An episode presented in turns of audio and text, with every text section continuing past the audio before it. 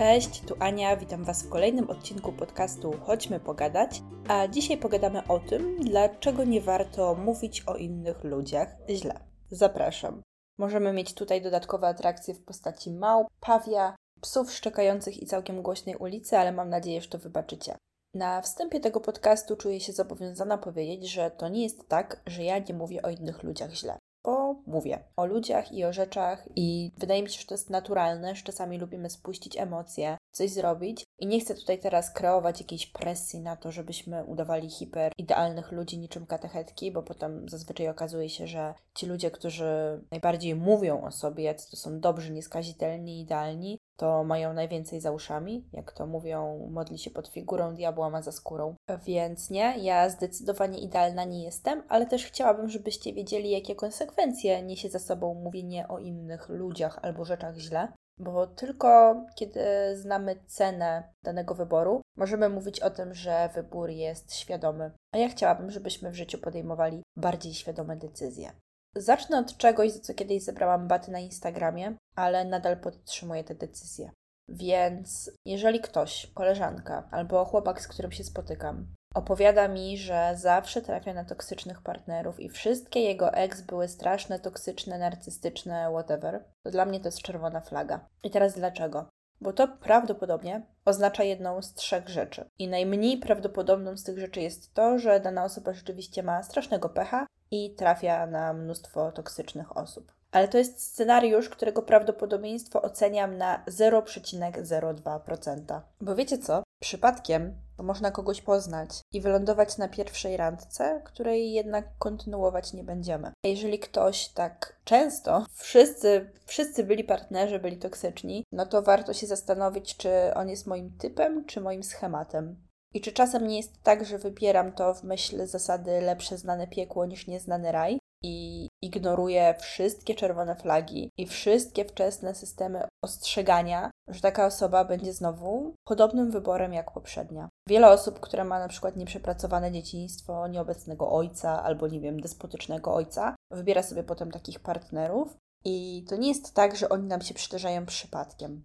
Więc to jest dla mnie sygnał, że ktoś ma jakiś nieprzepracowany shit. A ja uważam, że, sorry, że to powiem, ale jeżeli chcemy budować z kimś dojrzałą relację, to najpierw zasuwamy ją przepracować, a nie zrzucamy odpowiedzialność na to, na naszego partnera, bo nasi potencjalni przyszli partnerzy nie są od tego, żeby nas ratować i naprawiać. My sami musimy się uratować i naprawić. To tak ode mnie. I jest jeszcze trzeci scenariusz, z którego to często mam właśnie wywaloną tą czerwoną flagę, kiedy coś takiego słyszę od kogoś. A powinnam według intuicji mieć współczucie, nie? No bo ktoś cały czas trafia na toksycznych, narcystycznych partnerów. Co za biedna osoba, pokrzywdzona przez los, jak bardzo mi przykro.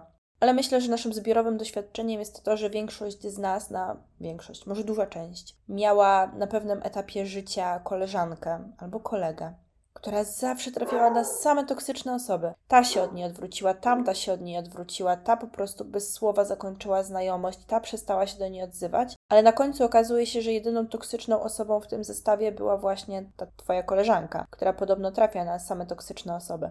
Nie mówię o tym, bo sama mam takie doświadczenia. Ja akurat należę do osób, które prędzej, i to też znowu ktoś powie, że to jest toksyczne, ale ja nie gustuję ludzi bez powodu. Ja przestaję, zrywam znajomość i przestaję całkowicie w niej uczestniczyć, jeżeli uważam, że to nie ja mam komuś coś do powiedzenia. Czyli na przykład ktoś zrobił mi jakieś świństwo i wiem, że konfrontując tę osobę nie usłyszę prawdy, no bo znam ją już wystarczająco długo i ta osoba się wyprze, chociaż mam na coś dowody. Nie mam siły na taki bullshit, wolę po prostu z dnia na dzień urwać znajomość i tyle. Możecie powiedzieć, że jestem toksyczna, i don't care. W sensie, jeżeli dowiem się i mam niezaprzeczalny dowód, że ktoś coś mi odjebał i ta osoba sama z siebie nigdy się nie przyzna, bo ona się przyzna dopiero skonfrontowana z tym, wiecie, niezaprzeczalnych dowodach. Ja nie mam ochoty na konwersację z kimś, kto nie jest ze mną szczery, bo ja akurat szczerość w relacjach sobie cenię. No ale ja raczej jestem osobą właśnie, która nie rozdmuchuje żadnych dram, nie robię publicznego rozliczenia się z zakończeniem jakiejś przyjaźni, znajomości, koleżeństwa, związku, relacji zawodowej. Nawet nie zauważyliście, jak z jednej asystentki przeszłam na drugą i to też odbyło się absolutnie bez żadnej dramy. Ja nigdy nie będę osobą, która potem będzie jakieś pasywno-agresywne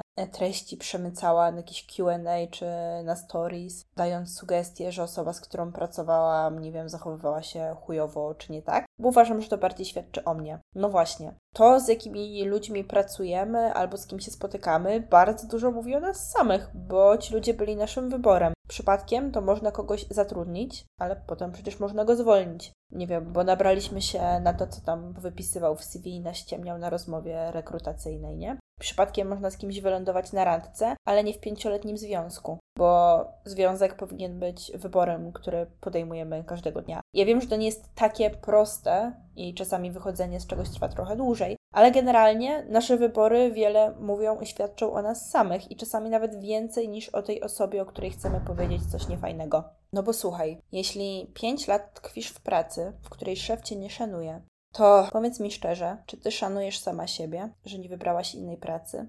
Nie odeszłaś z niej, nie postawiłaś na siebie i nie poszukałaś czegoś innego. Bardzo niemiła pigułka do przełknięcia. I nagrywam ten podcast bardzo na swoich błędach, nie? No bo sama zasiedziałam się na doktoracie, na którym kompletnie nie byłam szanowana i świadomie nigdy nie powinnam się coś takiego zgodzić, a jednak pozwoliłam nagiąć jakieś zasady. I myślę, że bycie na tym doktoracie było wyrazem głębokiego braku szacunku do samej siebie. I też jakby nie mam problemu przyznać się do tego, że jest mój wybór, który był wyborem niewspierającym mnie i nie był dla mnie optymalny. Okej, okay, to teraz chciałam ugryźć ten temat tak z trochę innej strony, no bo już wiecie, że dla mnie czerwoną flagą jest coś, co dla innych odpala empatię, ale ja już się wiele razy przejechałam, że potem staję się ofiarą tej empatii. Nagrywam ten odcinek dość spontanicznie, bo dwa, trzy dni temu wymeldowałam się z obiektu, w którym wszystko było po prostu źle. Przez 16 dni nie zmienili mi pościeli i ręczników, chociaż prosiłam o posprzątanie pokoju i za każdym razem słyszałam yes, madam. I to nie jest tak, że oni nie zrozumieli po angielsku, bo rozmawialiśmy z menadżerem na WhatsAppie po angielsku, też przez translator, też w końcu poprosiłam lokalsa, który mówi po angielsku, żeby przetłumaczył, bo już zaczynałam wątpić. No i ta usługa nie została oczywiście wykonana należycie, w zasadzie nie została wykonana wcale. Dobrze, że mam swoje dwa ręczniki, ale ci ludzie byli ekstremalnie mili. Oni to wszystko z uśmiechem na ustach i oni naprawdę bardzo się starali, tylko no nie wiem, chyba nie rozumieli mojej potrzeby czystych ręczników i czystego pokoju. I trudno jest wystawić potem negatywną opinię obiektowi, a czuję, że muszę, nie? Czuję, że jestem zobowiązana przed innymi turystami, bo ja sama zerkam na to, jak oceniane są hotele albo restauracje. No i nie chciałabym, żeby ktoś się naciął, szczególnie, że ja sobie podróżuję trzy miesiące. Więc dla mnie jakaś wtopa wiąże się z mniejszym bólem, bo jakby rozkłada się trochę inaczej. Jeżeli ktoś miałby 12 dni wyczekanego urlopu, na który długo zbierał, długo ciłał pieniądze, pieniądze, no to coś takiego może być srogim rozczarowaniem. A jednak zauważyłam, że kiedy ludzie są mili,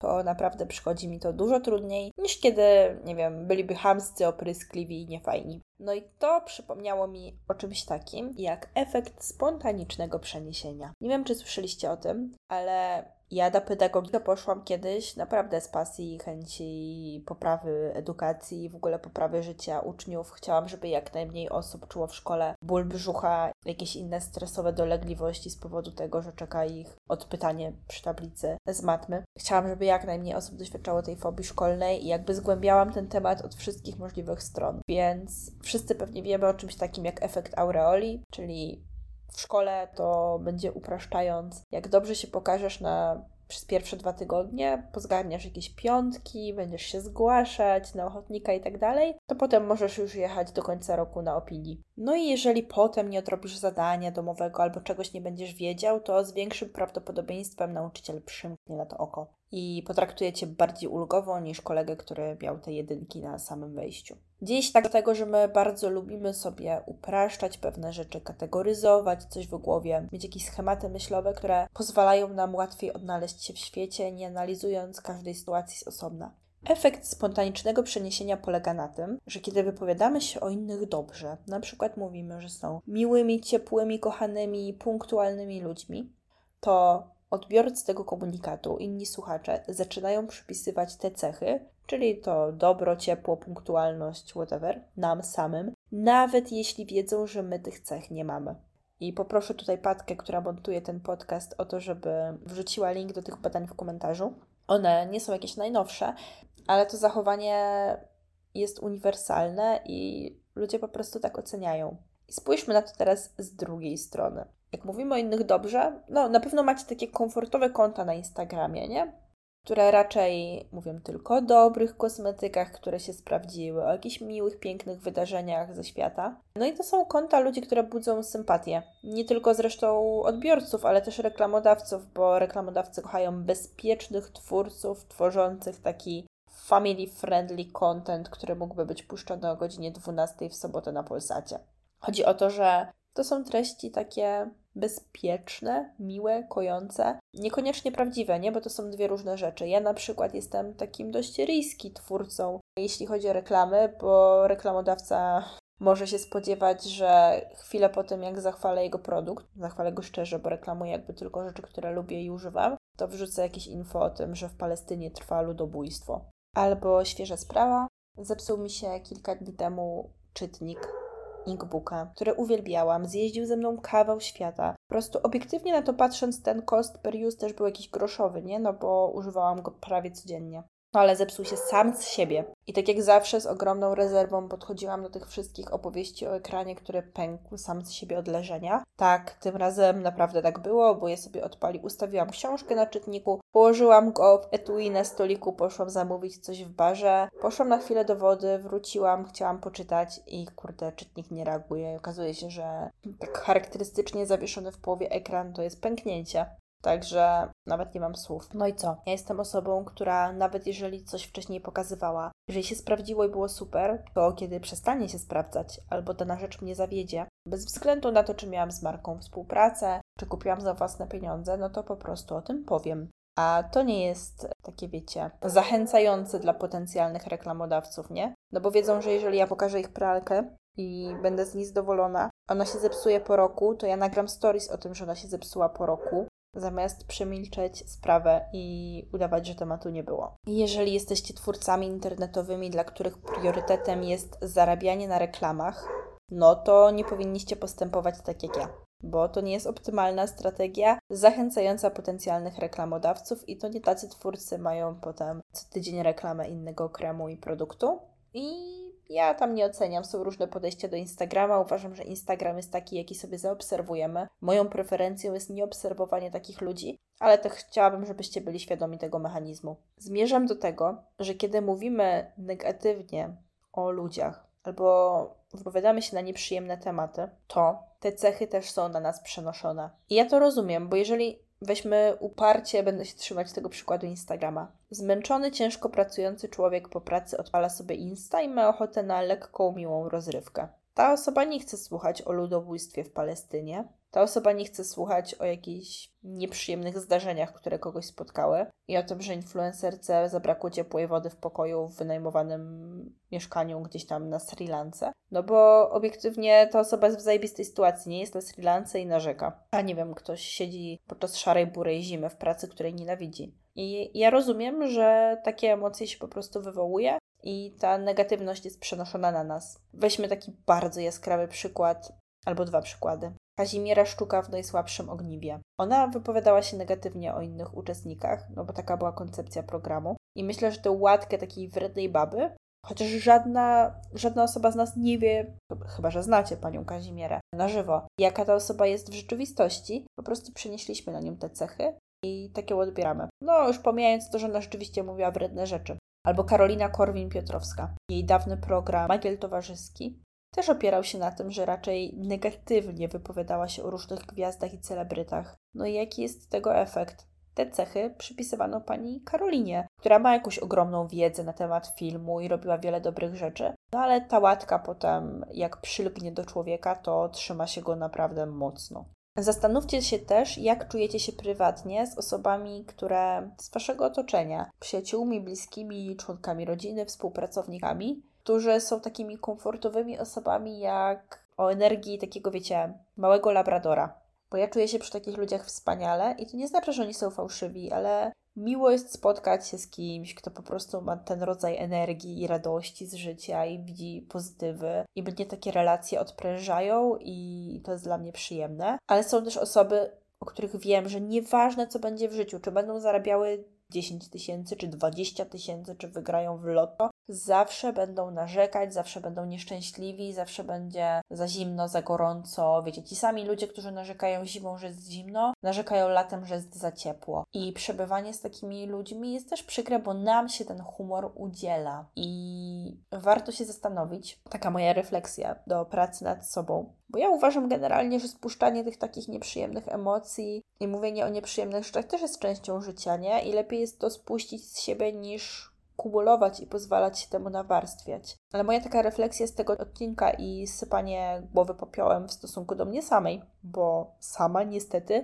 zbyt często wypowiadam się w taki negatywny sposób o różnych rzeczach, osobach i zjawiskach, jest taka, że chciałam zachęcić Was do tego, żeby tę negatywną część i te nieprzyjemne rozmowy odbywać samodzielnie z samym sobą w dzienniku, niekoniecznie przerzucając te swoje frustracje na cały świat. Z dwóch powodów. Po pierwsze, dlatego, że nie dowalamy w ten sposób jakby kolejnej cegiełki do tego, że świat jest bardziej takim negatywnym i nieprzyjemnym miejscem. A po drugie, z takiego egoistycznego powodu nie chcemy, żeby ktoś te negatywne cechy przypisywał nam samym. I jeszcze kończąc, z takiego łułu punktu widzenia, chciałam powiedzieć, że skoro wszyscy jesteśmy jednym, to cokolwiek, co robimy i mówimy o innych, mówimy też tak naprawdę o nas samych. I to by była refleksja, z którą chciałabym Was zostawić i zachęcić do przemyśleń pod tytułem czy mówienie o innych ludziach źle nie mówi tak naprawdę więcej o nas samych. Dzięki za wysłuchanie i do usłyszenia. To był taki dość spontaniczny odcinek, który przyszedł mi do głowy, ale chciałabym, żeby ten podcast był o tym, co aktualnie w duszy mi gra. Dlatego będziemy rozmawiać tutaj na przeróżne tematy. Dzięki raz jeszcze i do usłyszenia niebawem.